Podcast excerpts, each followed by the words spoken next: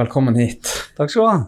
Jeg husker for et par år siden når jeg var elektriker og var og jobba hos eh, dere i denne liften. Ok. Og da gjorde jeg en liten tabbe og hva jeg gjorde, rygga litt på, en, eh, på eh, kunstgresset, så reiv vi opp litt av, Ja, ja, ja. biten der. Du jobber med noe varmeovn eller noe lys der. Jeg tror du styrer Vi skifta noe vifteovner, kanskje det var den du holdt på med. Vi har også skifta lys. Så det, det, jeg, jeg husker.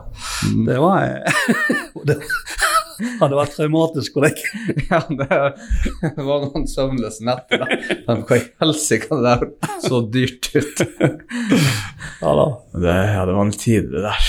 Ja, nei, ja, det har vært stor utvikling der. Det er lenge det var det. Ja, det åtte, Ja, jeg tror det kanskje er åtte, åtte år. I hvert fall åtte år. ja. Og ikke slutta. Som elektriker for kanskje seks år siden det slutta. Ja. Så kan det være rundt syv. Ja, det stemmer nok det. Det har vel kanskje skjedd noe altså, der i hallen siden, siden den tid. Ja, når jeg plutselig kom inn på Finnmarkshallen tvert om en gang, ja. Ja.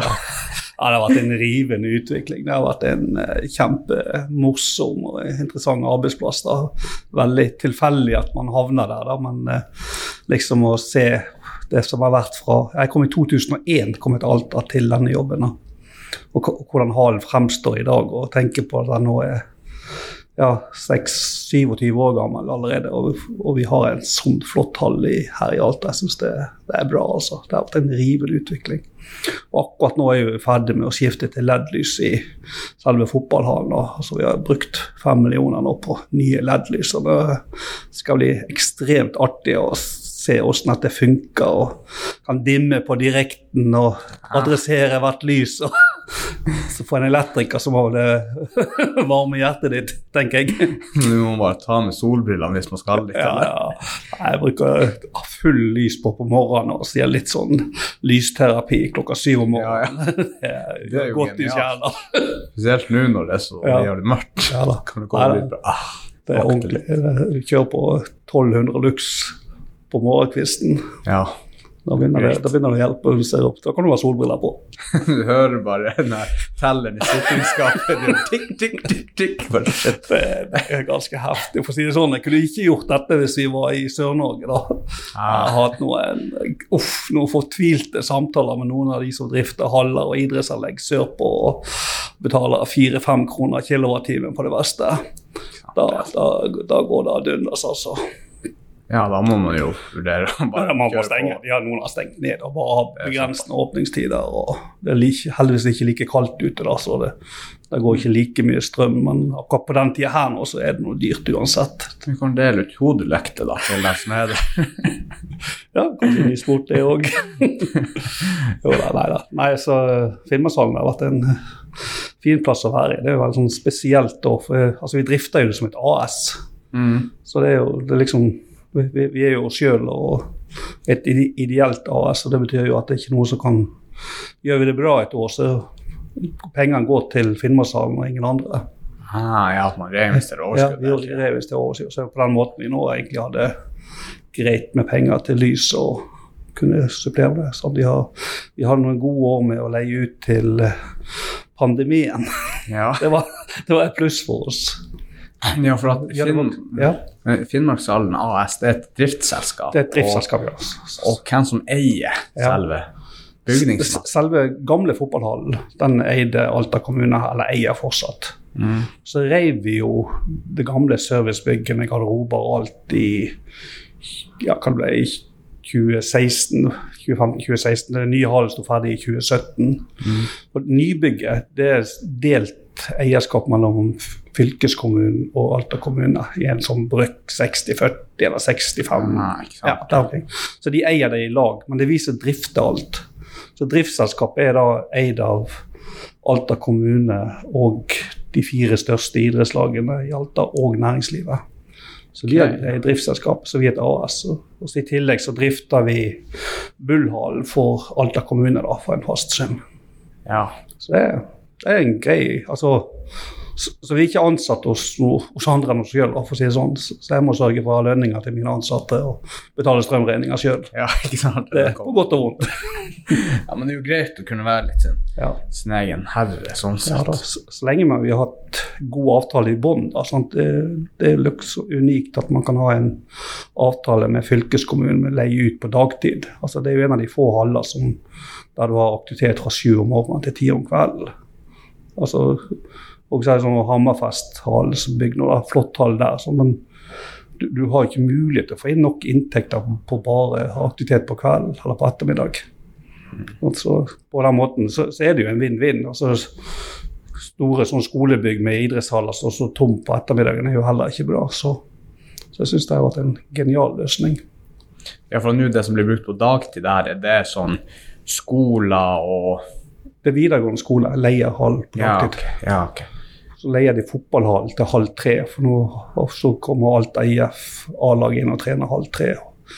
Eller de som kan, da. Og så eh, fra mandag til fredag. Og så mens da hallen oppe, så leier videregående til klokka fire. Og så leier Alta kommune leier hallen etter klokka fire i skoleruta oppe. Som igjen deler det ut til idrettslagene. For det som ble håpløst, er jo at altså, kommunen har jo gratis utleie til barn og unge på alle sine haller, og det ønsker vi jo. Altså, det skal være gratis å drive idrett og leie. Mm. Men uh, så, da må de betale strømregninger òg, og det ville de ikke. Så, Nei, ikke så på et eller annet vis må jeg ha inntekter. da, Så gikk vi på en løsning der jeg leier for en fast sum ut til Alta kommune. Så kan de da igjen disponere halen sånn som de finner ut. Hvordan, hvordan er det nå med tanke på sommerperioden og sammenlignet med vinterperioden? Altså, vi, vi har jo mest aktivitet nå, absolutt. Ja. Altså, nå er det jo Altså, nå kunne jeg hatt en halv til. Altså, jeg klarer ikke Såpass, ja. ja, Ikke en stor halv til, men jeg kunne hatt flere flater fra mandag til torsdag i hvert fall. Altså, jeg har både Tverredalen, Bull og Alta IF, Kaiskur og Nedskogen. Alle vil ha mer timer. Mm. Men, eh, det, så, men eh, igjen, vi har, vi har en stor hall som kan fordele. Og, og vi har jo helt ned i åtte-tiåringer som trener ukentlig i hallen. Men da gjerne på, sånn, på søndager. Søndag har blitt veldig populært. da, Så putter man alle bestemte inn dit. Og, så, og det er jo også Jeg, jeg syns iallfall at det har vært nå det blir ganske mange unge som bruker halen. Man har jo vært redd for at dette var en hall for de godt voksne, at det bare var lekestuer for de voksne. Men eh, det er bra mye ungdom som bruker halen i, i løpet av uka. Så, og ja, det er bra.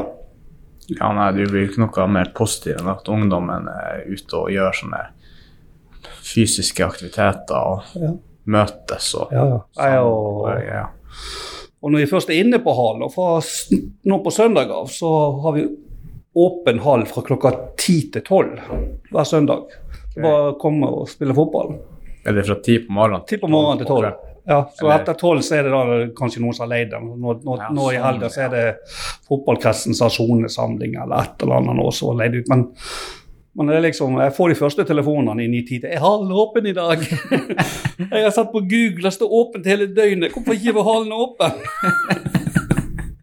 så, eh, så nå var, nå var dørene åpnes klokka ti på søndag. Folk kan komme og sparke fotball. Men, og det går helt greit. Altså, det er nesten ikke noe hærverk. Og ingen ruter som knuses eller stoler som blir ødelagt. Så altså, til, å- til å være så åpen, så er det tar folk og ungdom veldig bra vare på hallen. Det er mange har et veldig sånn eierskap. og Er det en dør som åpner, eller sånn som da ringer taxisjåføren eller brannvesenet. Nå, nå står en hall åpen i hallen, skal gjøre det. Ja, og det. Og det kan være helt tilfeldig. Så det, så det er mange som har et godt øye til hallen, og det, det gjør jo at vi kan ha ganske lav bemanning, egentlig. Så det er bra. Føler du at hallen i Alta skiller seg ut fra andre like type haller i, i Finnmark? Ja, vi, ja det, altså, det gjør jo han i størrelse, da. Jo, Ja. altså, nå har vi fått Hammerfest som er, er blitt en flott hall, da, og de har fått en gedigen klatrevegg i tillegg. Den, den misunner jeg de. Altså en sånn 20 meter klatrevegg på, i tilknytning til hallen. Det skulle jeg gjerne likt å ha her også. Og eh, så det som skiller oss ut ellers, da, er jo at altså, vi har jo en hall som har en størrelse til å kunne spille kamper i. Altså, det var jo en treningshall. Men eh, vi hadde jo utfordringene når Alta IF rykket opp i Adeccoligaen den gangen. I Mm. 2005-2006, var ikke det noe annet? Jo. Eh, vi hadde ikke nok sikkerhetssoner. Det er helt sånn spesifikke krav både til lys og sikkerhetssoner og tribuner og alt sånt. Og, og vi klarte å tilpasse oss, sånn at iallfall fikk lov til å spille der. Det ble aldri godkjent som en ny permanent bane for et førstedivisjonslag, men eh, for det, til det har ikke vi nok publikumskapasitet. Liksom Ja, sant. Og skal du bygge en ny bane, så vil man også ha bygd den større. Altså vi har 100 ganger 64 meter. Det er det minste liksom, lovlige målene på en førstedivisjonslag. Altså det er innenfor hvitstreken. Ja. Og så har vi to meter sikkerhetssoner på utsida med gress, og så to meter til med løpebane. Du, du skal ikke ha fire meter liksom, før du springer i noe på sidene. ja, ikke sant. Det er jo fotball Ja, ja fotball på kommer kommer. Ja, og, eh, og det kan man ikke gjøre i, i Hammerfest, f.eks. For, for de har, de har ikke nok den er, ikke, den er jo laga stor nok til å spille fotball, da, sant? men de, de har laga buen helt ned. så Det er også en treningshall. da. Mm. Så, men- men vi har laget oppgradert med, med lys og tribunestoler og dette her til, til å kunne spille i, i førstedivisjon. Så de må bare rykke opp igjen. Ja. Vi er klar beskjed. ja, ja, ja. Men det ja. Er det noen muligheter å utvide sånn eh, på Når du kommer inn i hallen helt på venstresida, der den lille løpebanen er, kunne man bygd tribuner der i høyden eller noe sånt? Det Ja, da, at det er mulig. Altså, vi har sysla litt med tanker. Altså, kan man bygd tribunen høyere opp, den som er i dag? Løfte den opp sånn at vi fikk lagerplass, bedre lagerplass under et sted å bare trille målene. Mm. Hvor genialt det vært hvis tribunen var så høy at du liksom Ja, overskuddsmålene I dag må vi ut på parkeringsplassen. Sant? Det, Ja, når det skal spilles ordentlige kamper, da. Men, så, så det kan være en mulighet. Og så har vi sett der vi lagde pressetribunen, og la dere filmer fra Ja, på, den, på den sida på midten der. Ja. Liksom, jeg har jo sett for meg kunne gjort det på hele veggen bortover og fått Altså må man bygge ut på utsida og så liksom åpne, åpne veggen. ja, det er jo et godt poeng. Ja, så, så det kan. Det koster. Vi holder på nå med ventilasjon. For det er, ikke, det er ikke noe mekanisk ventilasjon i hallen. Ja. Nei, så det er litt på godt og vondt, da, men eh, Og jeg jobba litt med det, men foreløpig så har det vært for kostbart for, til å bygge det rommet som vi skal på utsida. Altså, vi har operert det med hva vi fikk 50 000 i kvadraten for bare råbygget, uten, uten innhold. Da, Ja, da, da, da, sant? Det koster. Altså, du skal bygge, altså, du bygge 60 kvadratmeter bygg, og så koster det 3 millioner før du begynner å putte ting inn i det. Ja. Ja, så, nei da, men, eh, men det- dette er jo utgitt av noe som kommuner tar, da. Det er ikke det, er ikke det jeg nødvendigvis har drift av, selv om vi også supplerer. Så, så vi har en god dialog med Alta kommune, en veldig god dialog. Jeg syns de har vært flinke å hjelpe oss å ta vare på hallen. Og stille opp når det er nødvendig. Dem, eh, du har ikke spurt dem om dere kan bygge en splitter ny hall med det nyeste nye av alt sammen? Jo da, det har jeg spurt, men det er en utopi ja, for tida. Altså, det, det er jo litt spennende å se på det prosjektet Alta IF har nede på Hårnesparken. da, Sånt som der de bygger planlegger doble håndballbaner og turnhall og sånt. Om det lar seg realisere. Det, ulempen der, som jeg ser det, er jo at det, det ligger ikke tilknytning til dagaktiviteter i dag. Ja. Ikke sant? Altså Bygge en håndballhall på Arnes som bare blir brukt på kveldstid. Selv om det er behov for det på, på ettermiddag òg, men eh, ja, at det blir vanskelig å finansiere, Ja. rett og slett. ja. Drifta blir Det koster ikke så mye mer å ha aktivitet fra morgen til kveld enn bare på kveld. Ja. Altså Bygget står der, og du må gjøre det rent, og du må fyre i gang. Du kan ikke ta opp og ned temperaturen på et sånt stort bygg. Det, så Nei da, men det, det er spennende prosjekt de har der nede. og men de burde jo kanskje fått en ordentlig bane å spille på, fotballguttene. Jeg kan, jeg kan tenke meg at det er høye strømregninger når det er snakk om så store Ja, volum. ja, ja, det vi, vi, vi er oppe i en million, 1,2 million kilowattimer i året. Ja, det er jo, det er jo det helt begynner ganske mange eneboliger, det. ja. Ja, da, så vi, altså, vi vikker sånn rundt Ja, nå er vi på 1,2, tror jeg. ja. Hvordan er det nå på den nye delen? Da har dere fått eh, Hva som er den nye delen? Det er dansesal og Ja, det, Oppe i annen etasje så er det jo det vi kaller flerbrukshall. da. Sant? Som er Det er godt med sånn fester og sånt i gulv og sånn, så turen har vært med på planlegginga der. Så, men det, det er jo Mange vil si det er en håndballhall, da, men altså det, det, er en, det er en flerbrukshall. Og vi har fått solid altså Basketballstativene er jo sånn at du henger, henger i taket, så du kan jo spille konkurransebasketball der. Ja. Sånn du tar ned fra taket, det er bare sånn med glassplater og alt. Så jeg, jeg synes, det er sånn mekanisk ja, greie? ja, du bare trykker på knappen. Nei, du trykker på ja. knappen. Ja, ja. ja, ikke på knappen, jeg trykker bare på telefonen. Ja, enda mer fancy. Så vi, vi kan ta ned eh, fra herfra vi sitter, så kan jeg ta ned, eh, ned basketballkurven. Bruker dere noen gang å sitte og kuke med folk? så og ser på kamera der midt på natta, der det er noen som sitter Nei, det, det kan jo hende.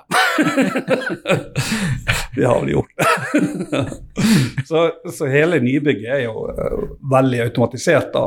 Mm. Altså både med, og Pluss at vi kan styre lysene inn i fotballhallen allerede i dag fra telefonen. da. Sant? Eller opp. Sant? Ringer de fra ene kontoret. Har du glemt å sette på varmen, så kan jeg gjøre det fra telefonen. Eller, eller åpne opp en dør, eller lukke en dør. Eller. Så alt det kan vi gjøre fra, fra forskjellige apper på telefonen. Ja, og det sparer dere vel for ekstremt mye tid og Ja, det, er full, bekymringer.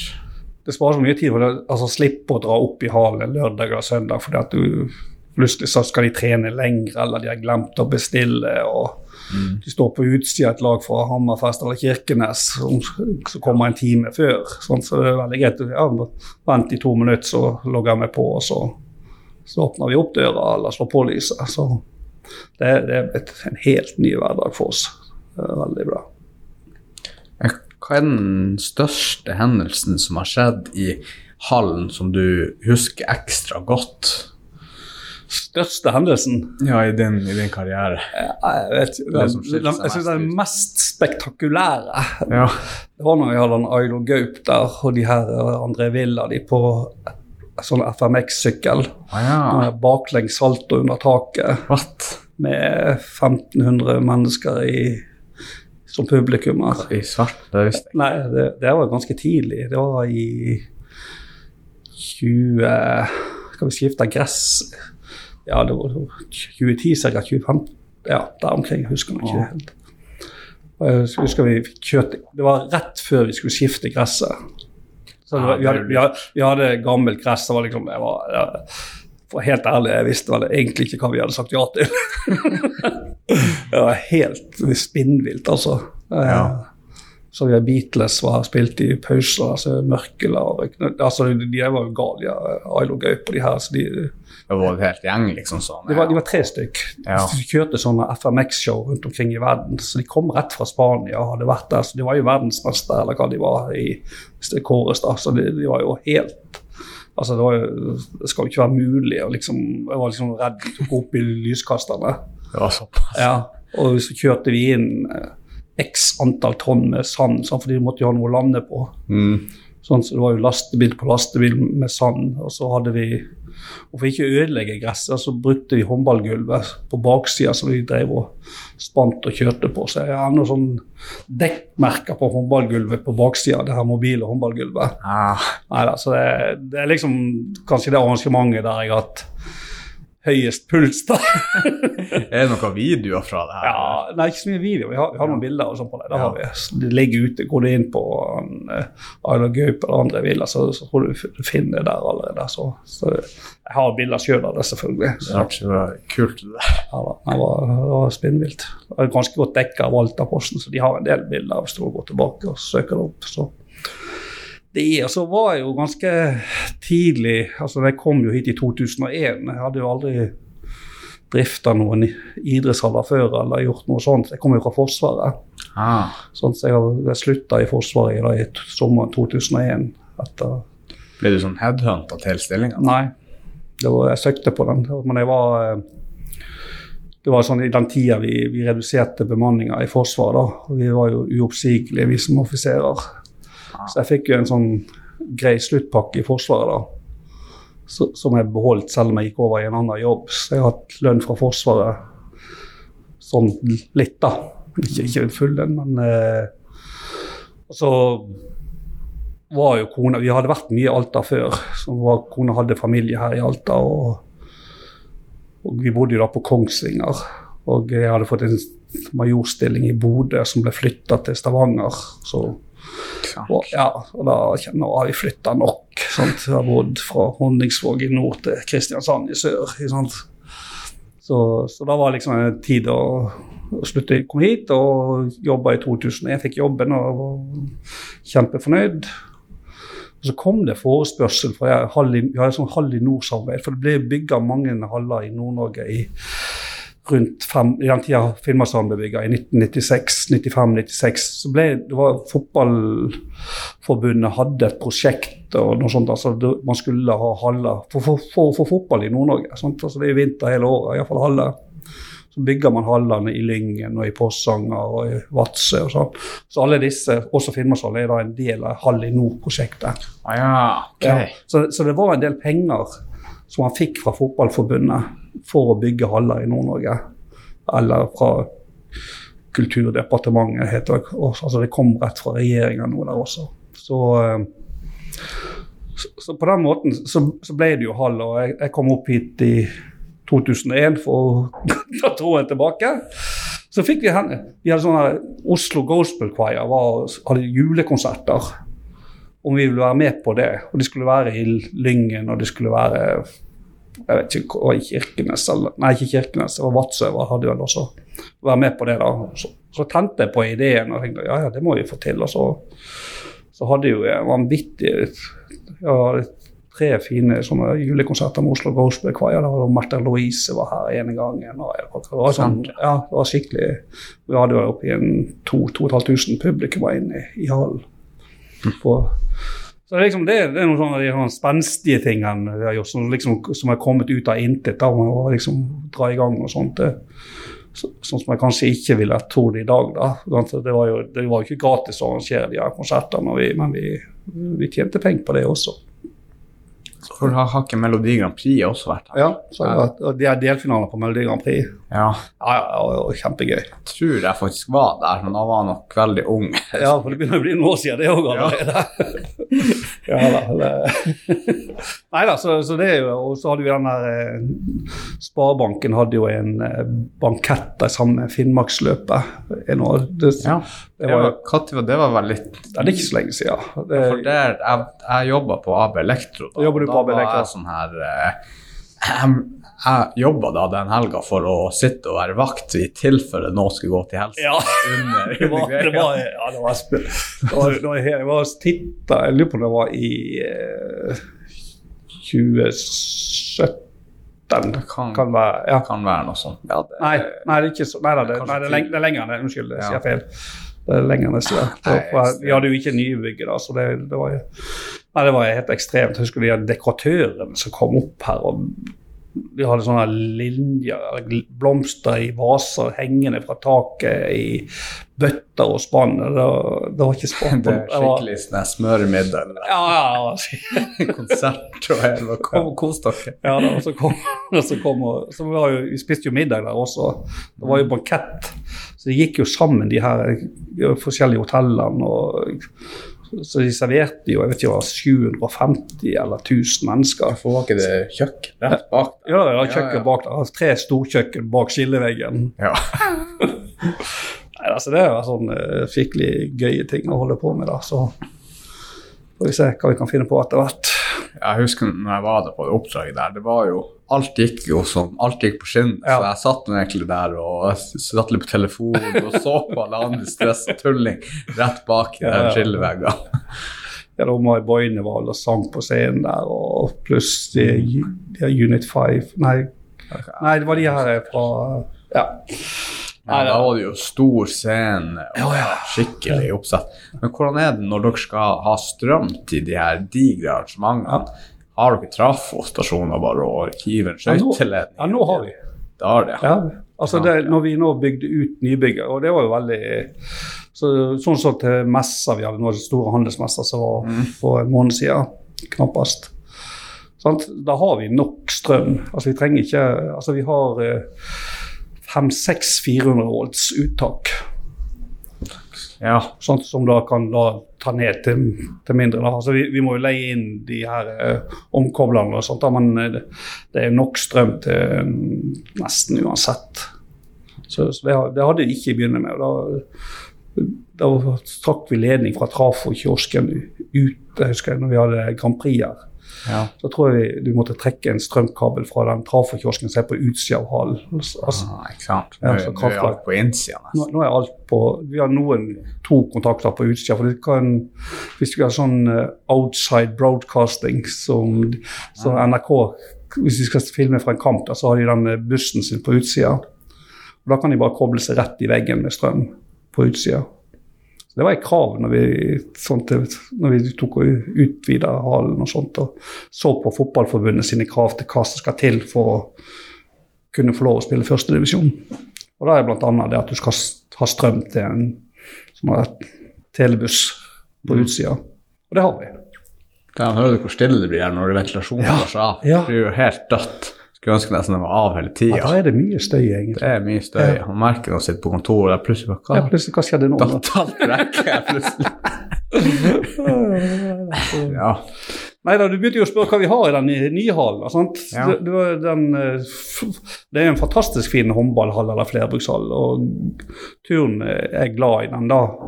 Og så er det da diskusjon om det skulle vært parkett eller vi har kombilasteskulv. da, Så under det her gummibelegget vi har på, så ligger det forklart parkett som er sånn flatelastisk. Så det her er jeg syns iallfall det er det beste når vi ikke altså Hadde vi kun hatt voksne som spilte håndball der, så hadde parkett vært det beste. Det, det tror jeg nok håndballspillerne ønsker. Da. Men når vi har såpass mye aldersbestemte og så mye forskjellige idretter der, og at det er skole på dagtid, så den type gulv er absolutt å foretrekke. Og vi, vi får gode tilbakemeldinger på det. Og så har vi fått tribunen da oppe i tredje etasje. Det er en tribune som du ser ned på hallen, så liksom publikum Så det er ikke noe Så foreldrene trenger ikke gå inn på banen. altså de her 8-10-12-åringene spiller håndball og sånt, altså, så må foreldrene sitte en etasje over. og Det syns jeg også er en god løsning, istedenfor at man skal sitte rundt banen nede. Så da får spillere og trenere være på én flate, og så får publikum være over. Og oppe da, i tredje etasje så har vi tribuner, pluss at vi har en kiosk der oppe. og litt sånn. Så det, det er veldig greit tilrettelagt for, aktiviteter. Den aktiviteten kan vi ha helt uavhengig av hva som skjer nede i fotballhallen. Ikke sant? Så det liksom kan gå inn i en egen dør, og du trenger ikke ha noe med fotballhallen å gjøre. Og nede i første etasje så har jo den Vi kaller det aktivitetsrom. Mange sier at det er dansesaler. Blant annet så er Svingklubben og Seniordansen de er leier ukentlig der, da. Ah. Og der- er det parkett. med Sånn flate, da. Kjempefint. Og det er et av de fineste dansegulvene vi har i Alta. Så det, det er en ordentlig sportsparkett. Og det er vel også lagt ganske bra opp med sånn speil på Ja. veggene. Er speil på veggene og hele pakka.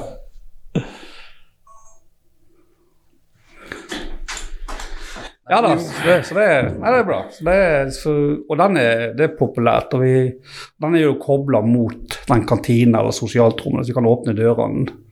Så du kan være i, i kantina, så kan du liksom ha mat der, og så kan du ha noe sitte inne i aktivitetssalen. Så vi har jo hatt selskap med 150 mennesker der inne også. Ah, så man kan leie det også hvis man skal ha som private Ja, vi har hatt noen selskap der inne, og noen konfirmasjoner og barnedåper. og Det er litt, litt større da, når vi har ledig. Sant? Men det, idretten har jo prioritert hele tida. Men, men det er Finnmarkshallen som disponerer dette, disse rommene da, fredag, lørdag, søndag alltid. Eller kantina er det alltid vi som disponerer. Ja. Mens da den aktivitetssalen er leid ut til kommunen fra mandag til torsdag. Ja. Som da igjen er leid ut til svingklubben og til turnforeninger er der, og bokseklubben. Vi har kroker i taket og bokseutstyr, så bokseklubben er der to ganger i uka. og og, og turn, de minste på turn bruker det arealet også. Og så er det, så det, det, det er stor aktivitet i et sånt rom også.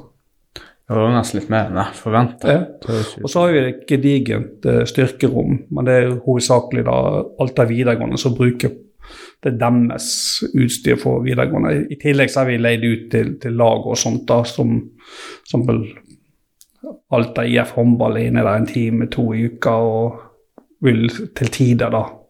Sånn, så det er ikke sånn det er ikke en konkurrent til spenst, eller sånn, det er ikke sånn du skal ikke inn der og trene på egen hånd. da. Jeg, jeg driver ikke og leier ut til enkeltpersoner og sånt, så Mm. uh, vi har hatt uh, Bedriftsidretten har leid der.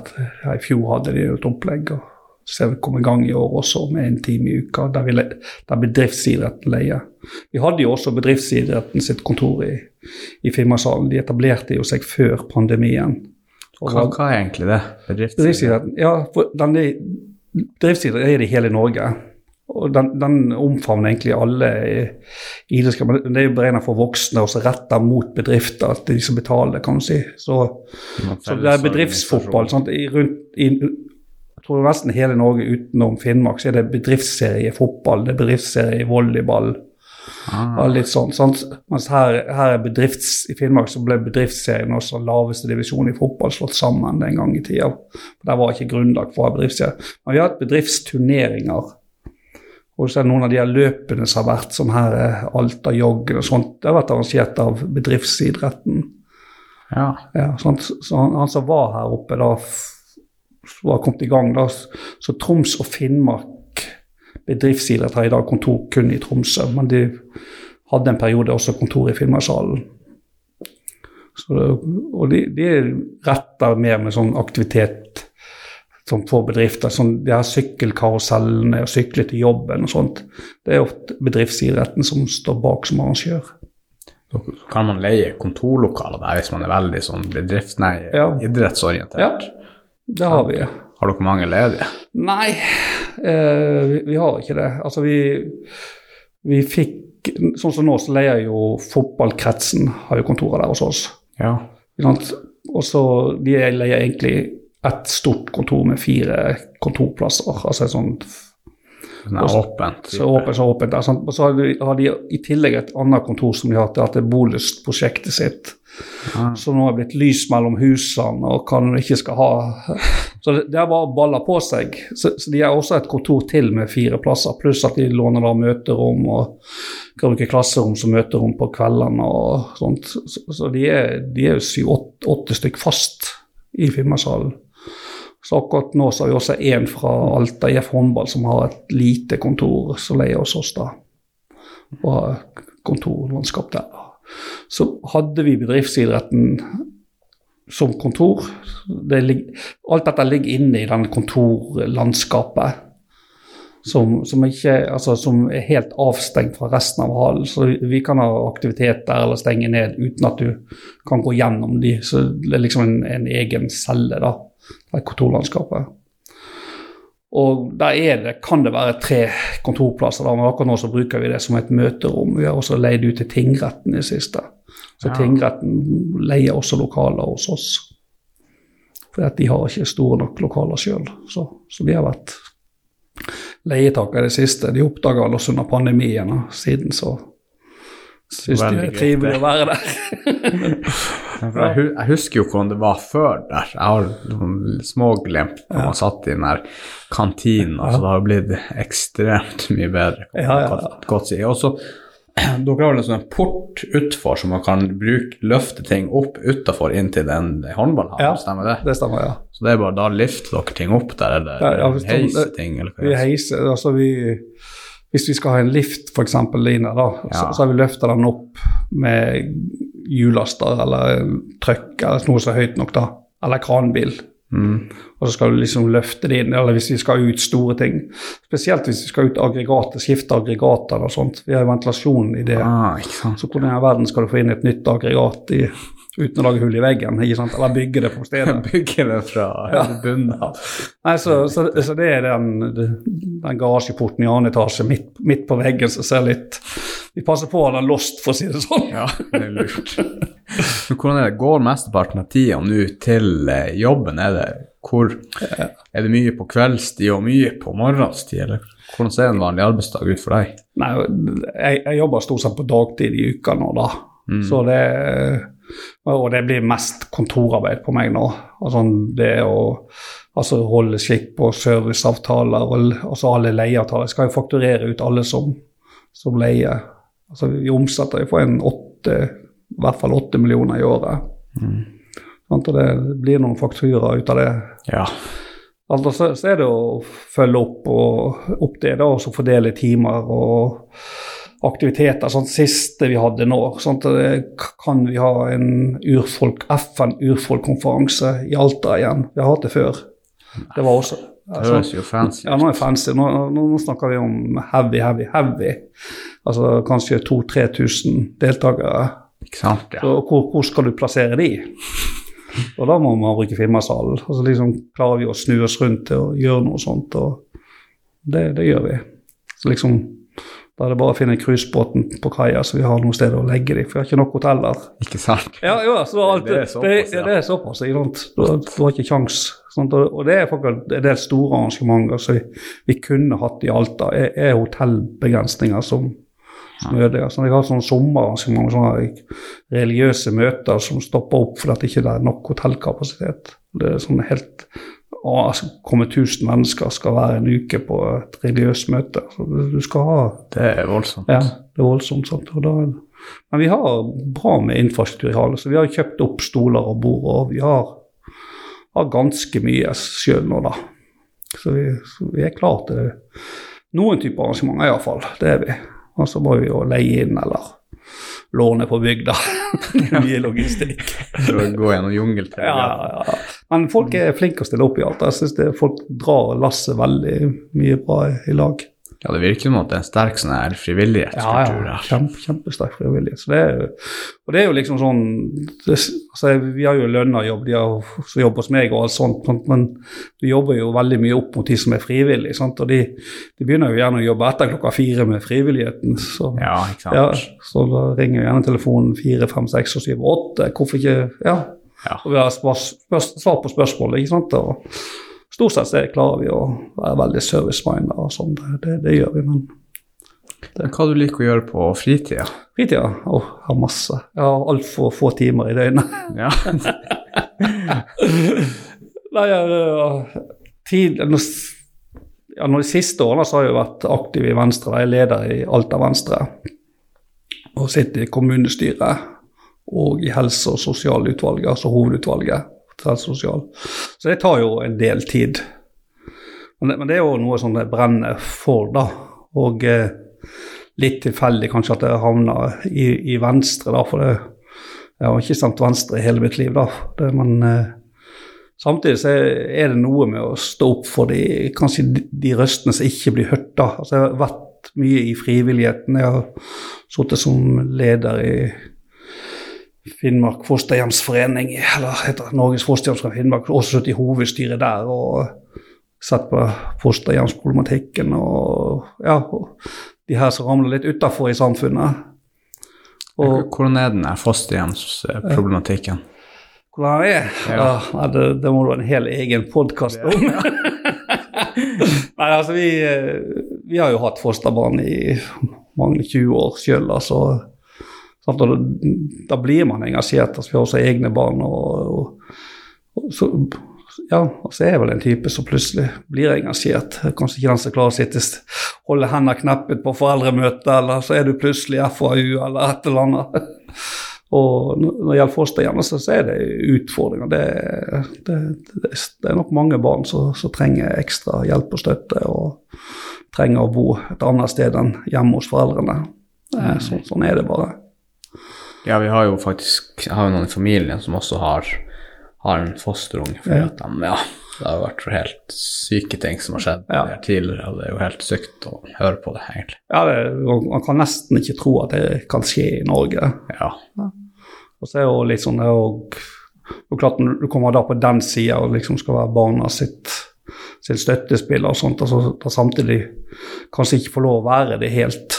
For det at det er så mye lover og regler, et barnevern som skal bestemme. og du skal passe en lovgivning som sier at foreldrene, uansett hvor elendig de har oppført seg, eller hvor ja, både rusa de og alt så har de rettigheter som foreldre. Sant? Du skal ikke ta fra de det.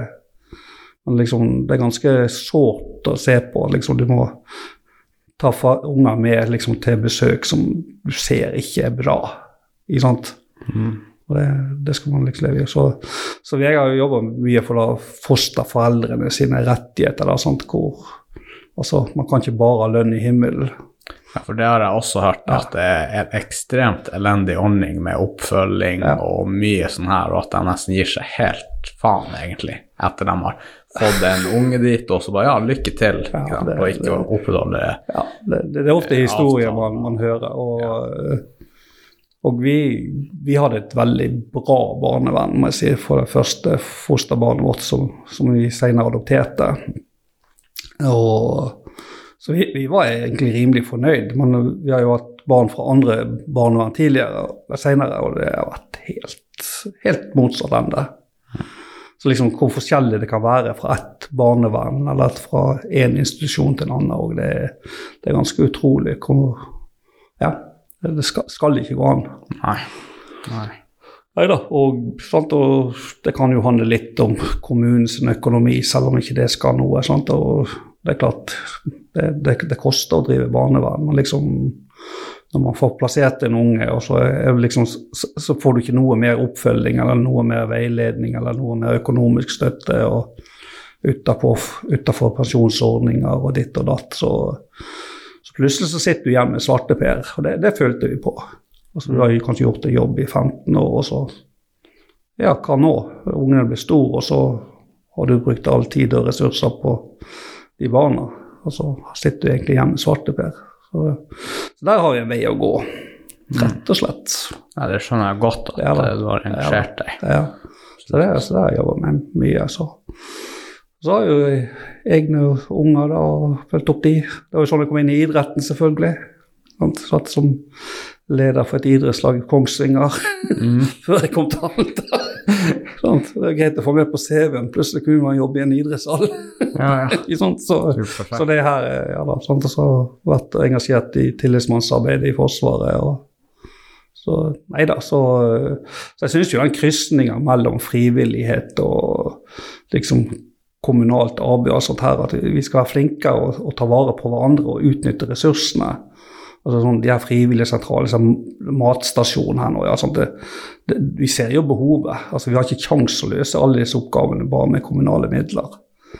Men, men, så må det ikke være sånn at vi tar det som en selvfølge. og så at, at det må, altså De pengene vi investerer i, i frivilligheten, da, sånn, altså, man får, får det mangedobbelt igjen. Altså også en del sånne ideelle stiftelser. og Når vi kommer inn på det, så er jeg også jeg vet ikke om det er fritid eller verv eller jobb. Jeg, sitter også styreleder i Finnmarkskollektivet. Det er jo en ideell stiftelse sant?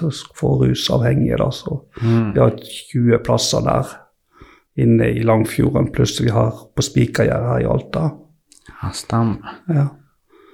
Og, eh, sånt, og det er jo en ideell stiftelse, så det er ingen som profitterer på det. Sånt, Men det holder hardt å få hjulene til å gå rundt. Du lever i sånn anbudsregime der òg. Altså, det skal ut på samme anbud som bussrutene. Og vinner du ikke, så har du ingen pasienter. Så da har du liksom ja, for Hvordan får dere da hvor dere får støtte av kommunen for nei, å drive det? Nei, da, da, da, er vi inne i spesialisthelsetjenesten. Ah, ja. Sånn, skulle det, det er Helse Nord som kjøper 20 plasser hos oss. Men for å få betalt så må de benytte seg av alle plassene. Ok, altså de må fylle seg opp? De må fylles opp, og det er de som fyller de opp. Og Stina har tenkt nå må vi spare litt penger, så nå bruker vi bare ti Vi har ikke mer avrustning, så nå er det bare ti plasser som blir fylt opp. Så må vi levere tilbake igjen halvparten av pengene, for å si det enkelt. Men vi har fortsatt bemanning til 20. Ja, det er jo sånn, så, det, så det, ja, det, blir jo litt samme som man gjør med anbud på, på andre på ja, på, på mye. Og så har du liksom vunnet anbudet for kanskje fem år, seks år, og så skal du ut på nye anbud, og så kommer det kanskje en annen aktør sørfra, kommer, ja, og så vinner de kanskje på pris, eller Og så, ja, da må vi legge ned. Ikke sant? Ja. Ja, det man kan få noen sånt. Ja, jeg har vært gjennom noen sånne runder, så det men kjempeinteressant òg. Og man møter jo mange utrolig dyktige folk og dedikerte, og mange folk som ikke skriver arbeidstid, for å si det sånn, som virkelig står på. Har du noen sånn personlig kjennskap med dem som er uh, inne i de her programmene? Nei, ikke da. Nei, det var ikke det. Men, men gjennom hva si, var jeg var i styret i fosterhjemsforening eller leder her. og Altså, du hører mange historier. Det, det, er mange barn som lider fordi at foreldrene er rusa. Det, det, er en sannhet. Så, altså rus og psykiatri. Det er, helt, det, det er det som gjør at voksne folk ikke er i stand til å ta vare på ungene sine. Og så kommer du liksom inn i hva kan man gjøre for å gjøre det bedre. Da. Så ønsker jeg å få dem tilbake igjen i samfunnet. Så, så jeg brenner jo veldig for at man skulle klare å få de inn i, i, en eller annen jobb eller et eller annet som gjorde at de fikk noe å ta seg til når de kom tilbake. Det er en ting å være inne på kollektivet kanskje et halvt år, kanskje til og med et helt år. Men hva kommer du tilbake til hvis du skal tilbake igjen til ja, en liten kommune, eller en stor kommune for den saks skyld, og så havner du på campingen? Sant? for de har jo ikke noen bolig til deg, kanskje. Og da ikke skikker det sånn at du har noe kapital sjøl. Ja, så havner du Så, så havner du Ja, så ja, da hospits igjen, ikke sant? Ja, hva er hospits? Ja, hospits er sånn Det er for de som ikke har bolig i hele tatt. Altså, det finner i større byer. Oslo, hospits. Altså, det er sånn, Kommunen har jo en plikt til å gi deg tak over huet. Og så, så oppretter man gjerne et gammelt, nedlagt hotell. Så får du et rom der som er hospits. da. Mm. Og så er det noen som driver dette hospits, og så betaler kommunen kanskje 1000 kroner døgnet. 2000 kroner døgnet. Og det er jo kanskje ikke det beste miljøet å sette til heller, for da er det sikkert enda mer påvirkning siden det er kanskje Ja, ja, der. jeg, jeg vet ikke, jeg har lest boka bare fra Abid Raja. Da, da. Han da var barnevernsbarn da, en liten periode. Han havna på hospits i Oslo. Det, at det gikk bra, flaks. Altså, det, det, det er så mange historier. sånn at det er helt vilt. Og så, sånn som her i Alta. Da, sånn at hvis de da havner på i Øvre Alta camping, liksom, hva, hva tilbud er det? Men ja, samtidig så skal du ikke gå hjem og ikke, ikke være verdt noe. Det, det er ingen som forventer noe av deg. og sånt. Da er veien tilbake til rus kort. Så liksom kunne få en eller annen vite at i morgen klokka åtte er det viktig at du kommer på jobb. Du kan stable varer på Rema, eller eh, du skal ut og gjøre et eller annet. Jo, jo, ja. Uansett hva. Bare, noen forventer noe av deg, det er viktig. Og få en lønn, selvfølgelig. Ja, ikke gå på på Man må jo man må føle at man har sånn eh, tilhørighet til Ja. Mm. sånn samfunnet for å fungere. Jeg vet, jeg kjenner jo mange, eller jeg kjenner jo noen personlig som har havnet litt utfor, og det virker jo ikke som at det er noe givende i det hele tatt. Man blir isolert og arbeidsledig og ikke har noe å gå til lenger, så er det jo Nei, veldig nei, og- Livet forsvinner jo litt. Og vennekretsen forsvinner jo også, sånn for at mm. de som klarer seg, er jo livredd for å havne tilbake. og Sånn, så det, det, det skal mye ressurser til. Og, så jeg skulle jo ønske at det var en mer sånn glidende overgang. At det var at man hadde større forpliktelser i kommunen enn at du skulle ha tak over hodet. da. At det, men det, det er jo ikke enkelt. Sant? Det, er ikke alle jobber man passer til. Man, men er man lenge inne på, på et opphold, og det, de er jo også blitt kortere og kortere. Sant? Nå er det mye sånn tre måneder, eller enda verre, man ønsker bare å behandle folk poliklinisk. Altså du går inn og tar en samtale i uka, og så liksom så skal det det, ja, og, så det er billigere, kanskje. Sant? Du, du går på Subutex eller et eller annet LAR, da, så Og Subutex. ja, sånn i stedet, at Folk som har gått på heroin og sånn, så, får man som medisin får man utdelt metadon eller Subutex. Det, som gjør at du holder, klarer å fungere uten å måtte ha heroin. Mm. er iallfall tanken. Og sånn, Men liksom, du, blir fortsatt avhengig av det. da. Du, du, kommet, du har kommet mye lenger. Du trenger ikke skaffe deg penger hver dag til sprøyter, eller Men eh, så får man dette her som, som medisin, da, og du går liksom bare daglig eller ukentlig og, og får denne her utdelt medisinen. Og så, liksom, så skjer det ikke noe mer. Du, du kommer ikke noe lenger. ikke sant? Du, du har ikke noe det er ikke noen forpliktelser for kommunen å gjøre noe mer. Sånn at man sier i festtaler at alle skal ha et verdig liv og ta vare på alle, men liksom du skal få det til òg. Og da må Ja, du bruke det blir ord, Nei, det, liksom. det blir bare ord. Og da, da må man støtte opp om frivilligheten og kanskje ta tak i en del av de ressursene som er der. Altså, Vi ser sånn som møteplassen her i Alta. Fantastisk. Sant? Og samtidig så Plutselig så får man jo nedskjære pengene, så de får noen hundre tusen i året fra kommunen. og det, må, det er ikke lovpålagt, så det kan vi skjære ned. ikke sant? Mm, ja, ikke sant. Sant? Men liksom når noe blir lovpålagt, lovpålagt av nye nødlys i alle tunneler til en milliard, det må vi bare gjøre. ikke sant? Ja. Det kan ikke du skjære ned, for det har EU bestemt. Sånn skal det være. Sant? Så Ja, det, ja, det, sånt, og Da er vi kommet dit hen at økonomien i kommunen er så knapp at det er kun lovpålagte ting du får gjøre.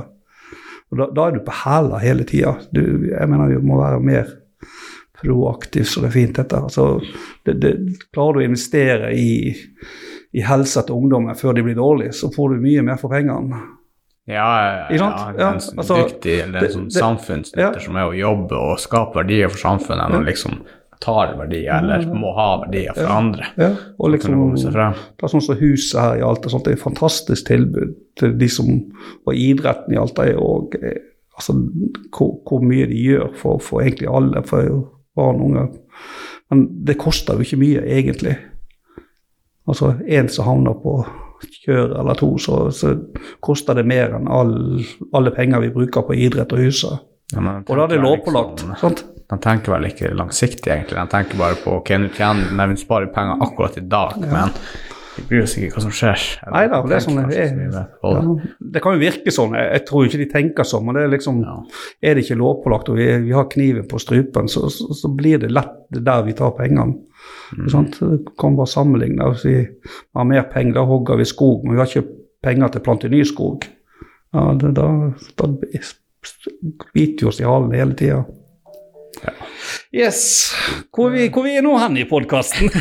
Jeg skal spørre om, eh, hvis du, hvis du kunne gi ett tips til deg sjøl Ja. som 20-åring, med all den erfaring og kunnskap du har i dag, hva ville du sagt til ditt 20 år gamle sjøl? Hva har jeg sagt til meg som 20-åring? Ja, med all kunnskapen du har i dag. Nei, jeg, jeg tror ikke jeg ville ha gjort så mye annerledes, egentlig. Altså, jeg, Som 20-åring eller 19-åring da starta jeg på befalsskolen i Luftforsvaret. Veldig tilfeldig. meg og en kompis fra Bergen dro til Luftforsvaret i Stavern. Og jeg fortsatte. Det, det var en sånn ordentlig sånn eye-breaker. Og liksom hvordan Bare det året da, i, i, i Forsvaret der, og så hva det gjorde med meg. altså Det ansvaret jeg fikk når jeg da kom til Honningsvåg som personelloffiser. Jeg gikk rett inn i en løytnantstilling som 19-åring, egentlig. Hadde masse ansvar for personellet. Og da ja, og vokste og fortsatte i, i Forsvaret. Var ute en stund. og jobba som regnskapssjef i sild- og fiskeindustri, blant annet. så, så jeg hadde økonomisk utdanning før jeg begynte i Forsvaret. Ah. Handelsgym, gikk på Bergens Handelsgym. Så skulle jeg gjort noe annerledes, så burde jeg jo ha dyrka den økonomiutdanninga. Sånn, det sto mellom å gå inn i Forsvaret eller begynne på Handelshøyskolen. Jeg hadde kanskje ikke gode nok karakterer til Handelshøyskolen, men kanskje. Jeg, jeg søkte aldri. Men eh, liksom, så jeg, I Forsvaret til å begynne med så tok jeg administrativ utdanning. da. Og så jobba jeg noe, der, og så var jeg tilbake i krigsskolen.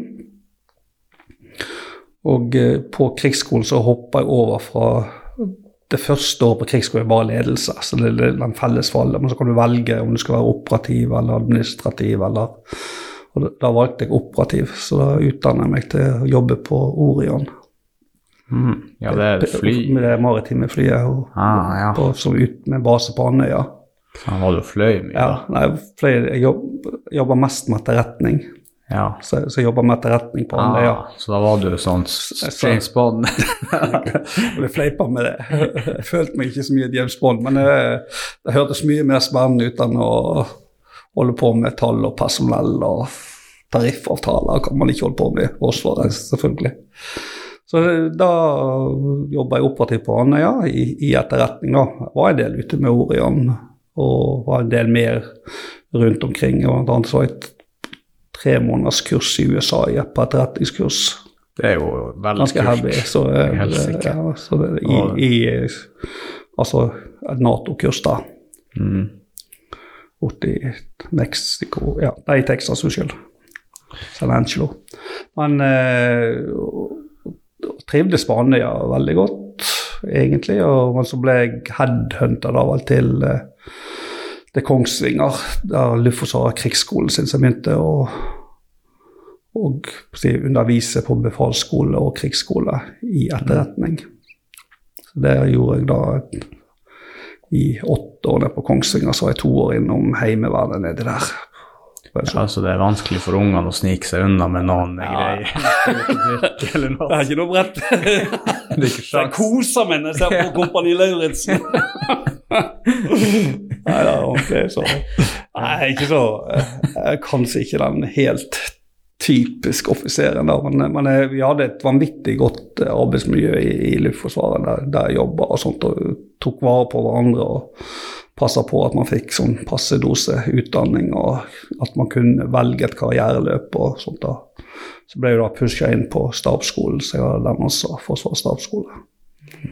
Det trenger man jo når man skal begynne å jobbe i Finnmarksdalen. Ja, ja, herregud, det er nødvendig. Det Det var ikke i kravet. ja, ja, det var en kravspekk. Nei, men jeg vil bare si at eh, det var faktisk en veldig interessant samtale. Du har jo gjort veldig mye forskjellig og interessante greier som jeg ikke Ja. hadde peiling på engang, og mye greier med Finnmarkshallen som jeg heller ikke hadde peiling Ja. på. Så jeg vil egentlig bare takke for at du var, eh, kom på podkasten her. Og så lurer du, har du noen ting du ønsker å promotere før vi avslutter?